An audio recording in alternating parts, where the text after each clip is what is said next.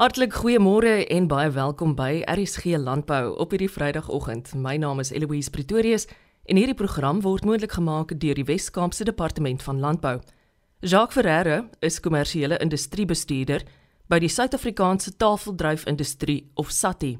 Hy is ons eerste gas vanoggend en bring ons op hoogte omtrent die jongste tafeldryfoes statistieke. Suid-Afrikaanse tafeldryf het oor in Suid-Afrika aangeplant staan tans op so 220400 hektaar. Nou inspeksie volumes vir die afgelope seisoen was uh, net oor die 65 miljoen kartonne en dit is 16% minder as hierdie jaar. As ons kyk na ons verskillende streke, uh, die Skaapse drie tofbreekstreke, dit is nou die Eksrivier streek, Eksrivier streek en Olifant streek, gesamentlik 2/3 van die uh, inspeksie volumes afkeer. Noord-Kaap het so 25% van die inspeksievolumes geproduseer en dan ons streek daar in die noorde by Grondgesaal waar ons sien 9% van daai 65.2 miljoen kartonne gepak. As ons kyk na die verskillende streke individueel, was die Bergrivier streek die enigste streek wat meer as sy oorspronklike skatting gepak het met 'n totaal van 19.05 miljoen kartonne. Eksrivier het 21.2 miljoen kartonne gepak, dis ook 15% minder as die vorige seisoen. Terwyl die noordelike provinsie 5.6 miljoen kartonne gepak het, dis 'n uh, 24% minder as die vorige seisoen. En dan dan die rivierstreek het uh, slegs 16.4 miljoen tonne verpak en dis omtrent 6 miljoen kartonne minder of 27% minder as vorige seisoen, dis hoofsaaklik as gevolg van seisonale klimaatsverandering veral hoë temperature wat we die begin van die seisoen beleef het met daai uh, dramatiese afname getoon het en dan laastens die olifantstreek het so rivierstreek het so 2.9 miljoen karton verpak ook 14% minder as die vorige seisoen. So jy weet dan jy sien so of 'n uh, opsomming dat uh, dit as 'n bedryf is ons uh, ja wat minder volumes verpak as die vorige seisoen. Ja, ek dink ons ons gaan maar deur uitdagende tye veral met Eskom en die Kaapse hawe sy uitdagings gee. Maar ja, ons ons kyk uit ons sien uit na 'n uh, beter volgende seisoen. In terme van logistiek en met die oog op die volgende seisoen, sal logistiek uh, die in samesprekings uh, beslis moet fokus op uh, meer doeltreffende sogenaamde boekingstelsel by die Kaapse hawe. Ons is weer lopend in samewerking en samesprekings met Transnet saam met die ander uh, vrugtekommoditeitsgroepe soos Hotkra en Citrus en uh, eh, FPF om te verseker dat uh, hawe toerusting beskikbaar en gediens word en ook beskikbaarheid van personeel vir altydens die piekweke uh, weke 6 tot tot 9 uh, in die piekweke van die vrugteseisoen in die Kaap is ons krities belangrik. So ja, ek dink daar's heelwat uh, heelwat wat ons op gaan fokus in die volgende seisoen. Jacques Ferreira is kommersiële industriebestuurder by die Suid-Afrikaanse Tafeldryf Industrie of SATI. Mario van Heerden is kommoditeitshandelaar by VKB. Hy woon in Ryds in die Vrystaat. Hy sluit vanoggend by ons aan om die ekonomiese impak van hardwater op die lewende hawebedryf in Suid-Afrika as ook die behoefte na 'n nuwe enstof te bespreek. Nou ons het die ekonomiese impak om die totale ekonomiese impak te bepaal, het ons gekyk na die direkte en indirekte koste van die siekte op die lewende hawe bedryf en dan het ons ook later bepaal na die koste doeltreffendheid van die verskillende behandeling en voorkomingsmaatreëls wat geneem word teen die siekte. Nou net om so bietjie uh, afbreek te gee van wat ons bepaal het was dat die totale koste van hartwater so 1.2 miljard rand per jaar is op die lewende hawe bedryf. Die direkte koste daarvan het so 66.47% bygedra tot die totale koste en die indirekte koste het bygedra tot so ongeveer 33.53%. Die direkte koste het ons bepaal deur om te bepaal wat die koste is van gewigsverlies mortaliteite, aborsies en dan nou 'n laer produksie wat veroorsaak word deur die siekte. Nou om eers te verduidelik wat hartwater is. Hartwater is 'n bosluis oordraagbare siekte wat voorkom in somer reënvalgebiede Dit kom oorsaaklik voor in vyf provinsies in Suid-Afrika. Dit is KwaZulu-Natal, Mpumalanga, Gauteng, Limpopo en in die Noordwes. Die siekte beïnvloed hoofsaaklik ruminante of groot eenhede en klein eenhede soos skape, bokke en beeste en dit word oorgedra maar deur die verskillende eenhede as ook deur 'n wild wat baie van die weidingsgronde toegang het tot baie van die weidingsgronde of uh, jou gewone trekwild. Nou die lewenhawe bedryf is verantwoordelik vir 2.1 miljoen werksgeleenthede en heidaglik ervaar boere moeilike ekonomiese toestande. Nou met hierdie moeilike ekonomiese toestande en hardwater wat nog 'n totaal van 1.2 miljard rand invloed het 'n jaar op die bedryf, maak dit die koste van produksie net al hoe duurder en dit raak die eindverbruiker ook op die ou end. So nie net betaal boere duurder om dieselfde veelheid lewende hawe of vier eenhede te produseer nie, maar die verbruiker op straat betaal weer vir sy rooi vleisproduk. So dis hoekom ons gaan kyk het na die behoefte vir 'n nuwe vaksinne. Nou uit die navorsing het ons agtergekom dat slegs 6 miljoen rand van hierdie 1.2 miljard rand gebruik word op enstowwe. En dat 84% van alle boere waarmee ons gepraat het, 'n behoefte gehad het vir 'n nuwe enstof. So dit beteken dat daar heidaglik 'n groot behoefte is vir 'n nuwe hartwater-enstof. Die huidige hartwater-enstof is baie moeilik om toe te dien. Dit moet binne aars toegedien word. Die koue siklus kan nie gebreek word nie en dit is moeilik bekombaar. So baie van die boere het 'n groot behoefte gehad vir nuwe hartwater-enstof en heidaglik gebruik baie boere ook nie die huidige hartwater-enstof nie te gaan eerder na voorkomings of behandelingsmaatreëls waar hulle tetrasikline toedien om die siekte te beheer. Nou die koste van tetrasikline en arbeid het bygedra tot die indirekte koste van hartwater en daai totale koste was ongeveer gelyk aan 424 miljoen rand vir al vyf provinsies per jaar. So daai koste tesame met die direkte koste wat 800 miljoen was, um, bygedra tot die 1.2 miljard per jaar. So ons het gekyk na die koste doeltreffendheid van verskillende dip metodes en ons het ook dit vergelyk tussen die verskillende tipe veeeenhede en by beeste ons bevind dat dit die meeste kostedoeltreffend is om te dompel dit. Dit werk so 35 sent per 1% van lewenhawe eenheid wat gered word of voorkom word om hartwater te kry. Spreirys het so 51 sent per 1% uitgewerk en poron 63 sent per 1%.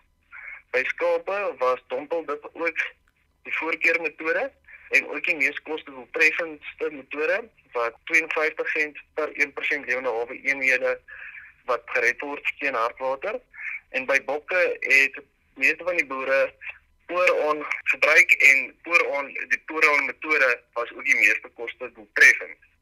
Nou wat by bokke verskillend was van skape en beeste is omdat baie van die boere wat met bokke geboer het, 'n beperking het op die waterbeskikbaarheid en dan het die koue weer ook 'n invloed gehad op die bokboere wat hulle hulle nie noodwendig kan dompel dit of sprei nie en eerder poron verkies as gevolg van die weerstoestande.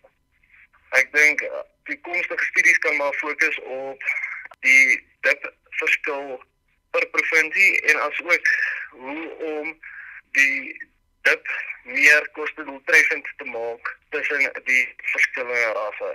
Mario van Heerden is kommoditeitshandelaar by VKB. Internasionale Voedselveiligheidsdag is vanjaar op die 7de Junie gedenk. Dr. Michaela Hartman is 'n veearts verbonde aan die Wes-Kaapse Departement van Landbou. Sy sluit by ons aan om die bestaansrede van hierdie betrokke dag te verduidelik. daarmee deel sy ook besonderhede omtrent die departement wat deurgaans sal steun bied om seker te maak voedselveiligheidsregulasies word nagekom. Dr Hartman is 25 jaar oud en dis heerlik om hier gedurende jeugmaand die saak met haar te bespreek. World food safety is everybody's responsibility.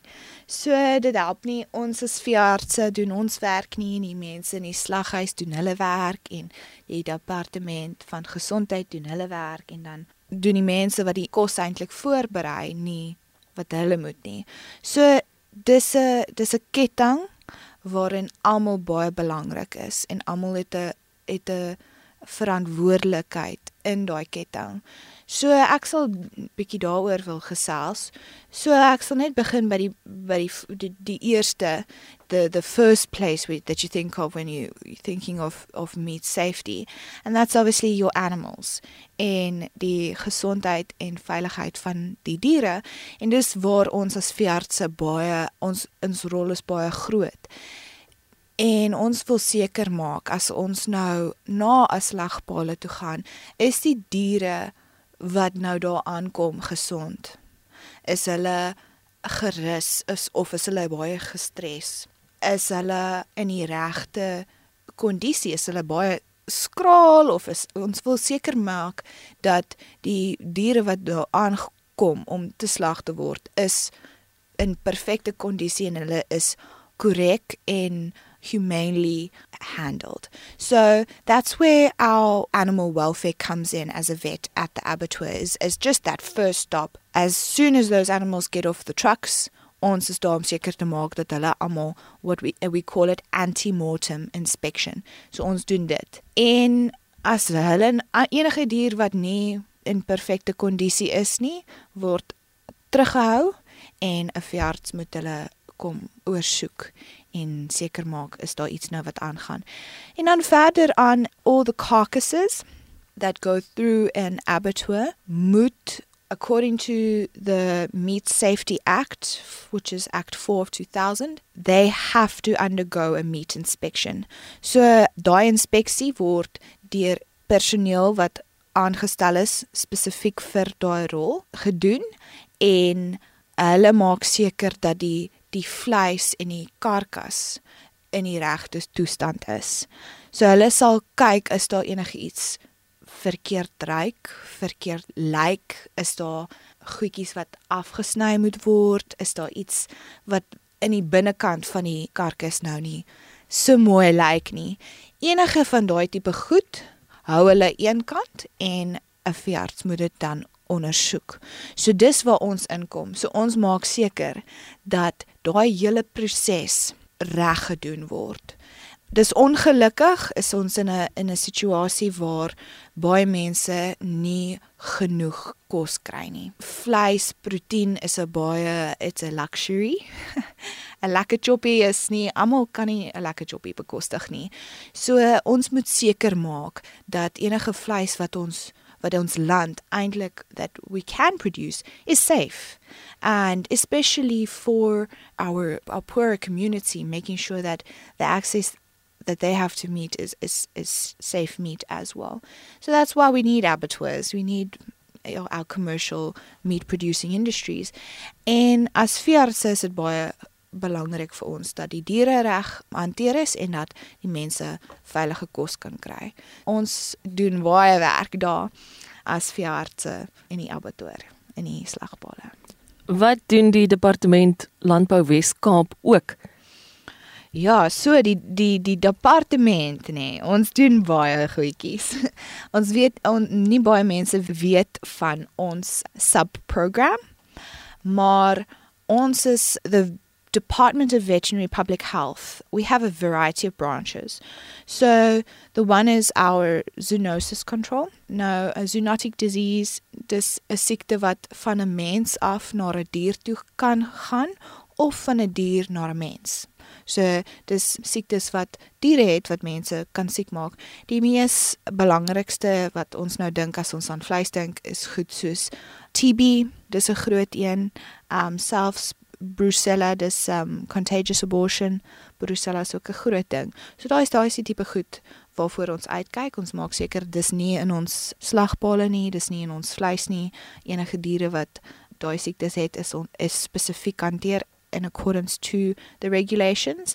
En dan is ons ook we also responsible for making sure that all of the meat producing establishments en ek sê producing establishments omdat dis nie net jou slagballe nie, dis ook soos as daar 'n plek is waar hulle met vleis werk, ehm um, is dit ook ook daar en ons is seker te maak dat hulle die regulasies toepas. So ons sal inspeksies hou, ons sal dit gaan auditeer en net seker maak dat hulle die that they apply the law correctly.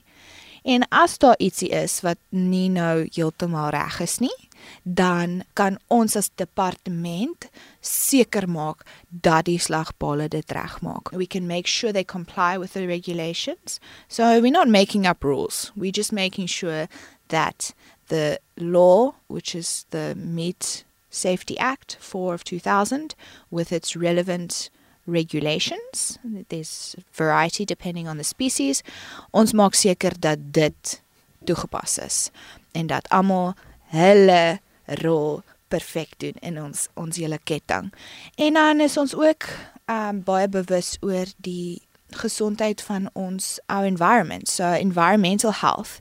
En dit kom in met ons waste removal en abattoir slagbare maak baie gemors en die skoonmaak van daai tipe besighede is ook baie belangrik. So waar gaan al daai water wat hulle die goed skoonmaak? Ons moet seker maak dat dit in in die regte plek toe gaan. So yeah, we want to make sure that the waste management of our abattoirs is done correctly.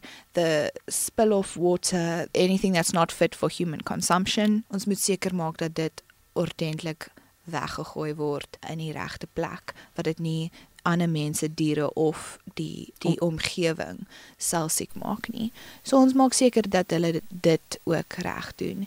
En dan we also here to support when there is a cases of disease outbreaks. The most common one we, we think of is like our salmonella and stuff because it, it, it stretches over more than just our department. We can look at it from the one side, but it, it starts from the beginning to the end. So we, we play that role in an animal's life as they reaching their end destination. We make sure that they pass over smoothly.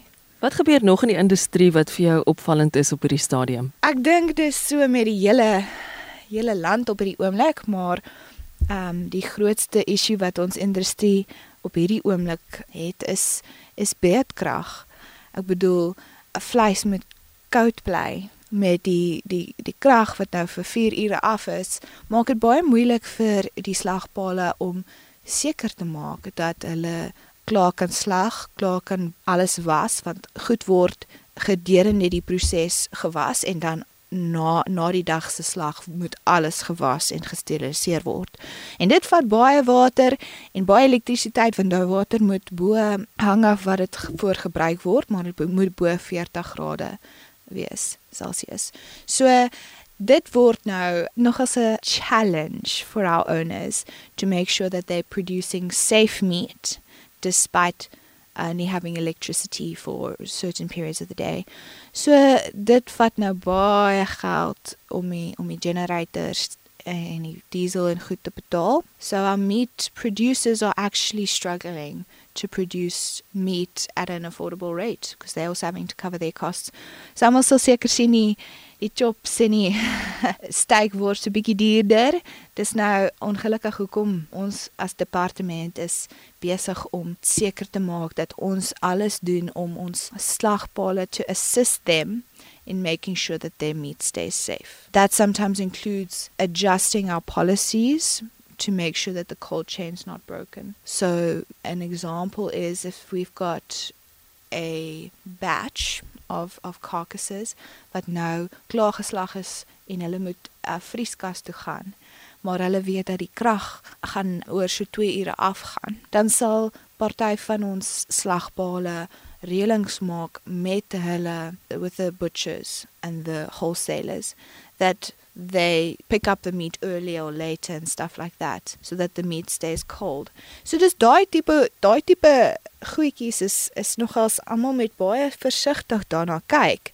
want ons moet 'n plan maak, maar ons moet seker wees dat dit nog steeds die beste gaan wees vir die vir die mense wat nou eintlik daai vleis gaan eet. So dis nou ons grootste grootste ding waaraan ons op hierdie oomblik werk. Maar daar's ook goed soos die, die salmonella. Mense mense weet maar van salmonella. Daar's 'n paar goed wat ons nou uitvind in in die in die industrie. Shame the poor poultry producers already struggling.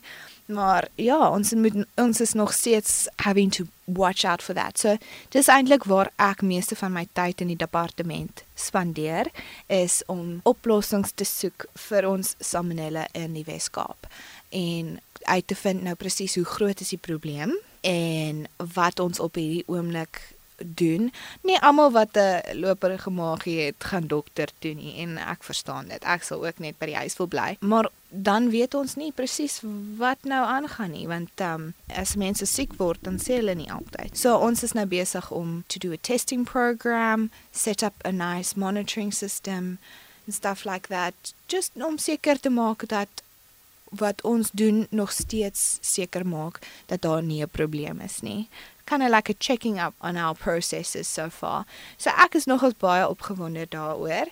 I'm meeting lots of very knowledgeable people in the industry en lekker lees daaroor en ja, ek moet sê ek leer so baie, maar ek wil net vir ons luisteraars herinner om om goed so maklik soos hande was as jy nou met jou vleis werk en, en veral ons hoender, ons almal weet hoender is so bietjie jy moet versigtig met daar met dit werk.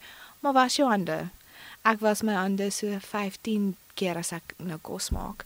En ek, en alles het net afspoel, maar om in daai rotine in te in te kom is baie belangrik. Soos ek vroeër gesê het, het ons ook kieme op ons groente. So as jy nou met groente en vleiswerk, moet jy eintlik seker maak jy doen dit apart. Want as jy dit nou kook en jy maak dit reg gaar, dan is dit fyn. Maar as jy nou lekker slaaitjie het wat nie gaar gemaak is nie en jy het net met jou honderande daarin gevat, ja, dan sit dan sit nie nie so lekker nie. So tussen groente en vleis maak ons ons hande skoon seker te maak dat niks niks uh, tussen die twee gaan nie. En ja, was goed jou jou messe en jou borde as jy nou dieselfde as eh, snybord gebruik vir vir vleis en groente. Dr. Michaela Hartman is 'n veearts verbonde aan die Wes-Kaapse Departement Landbou. Baie dankie dat jy vanoggend ingeskakel het vir RSG Landbou. Hierdie asook al ons ander programme is beskikbaar op www.elsenburg.com. Onthou gerus van ons volgende afspraak môreoggend om 12:15. Ek is Eloise Pretorius en ek groet tot dan.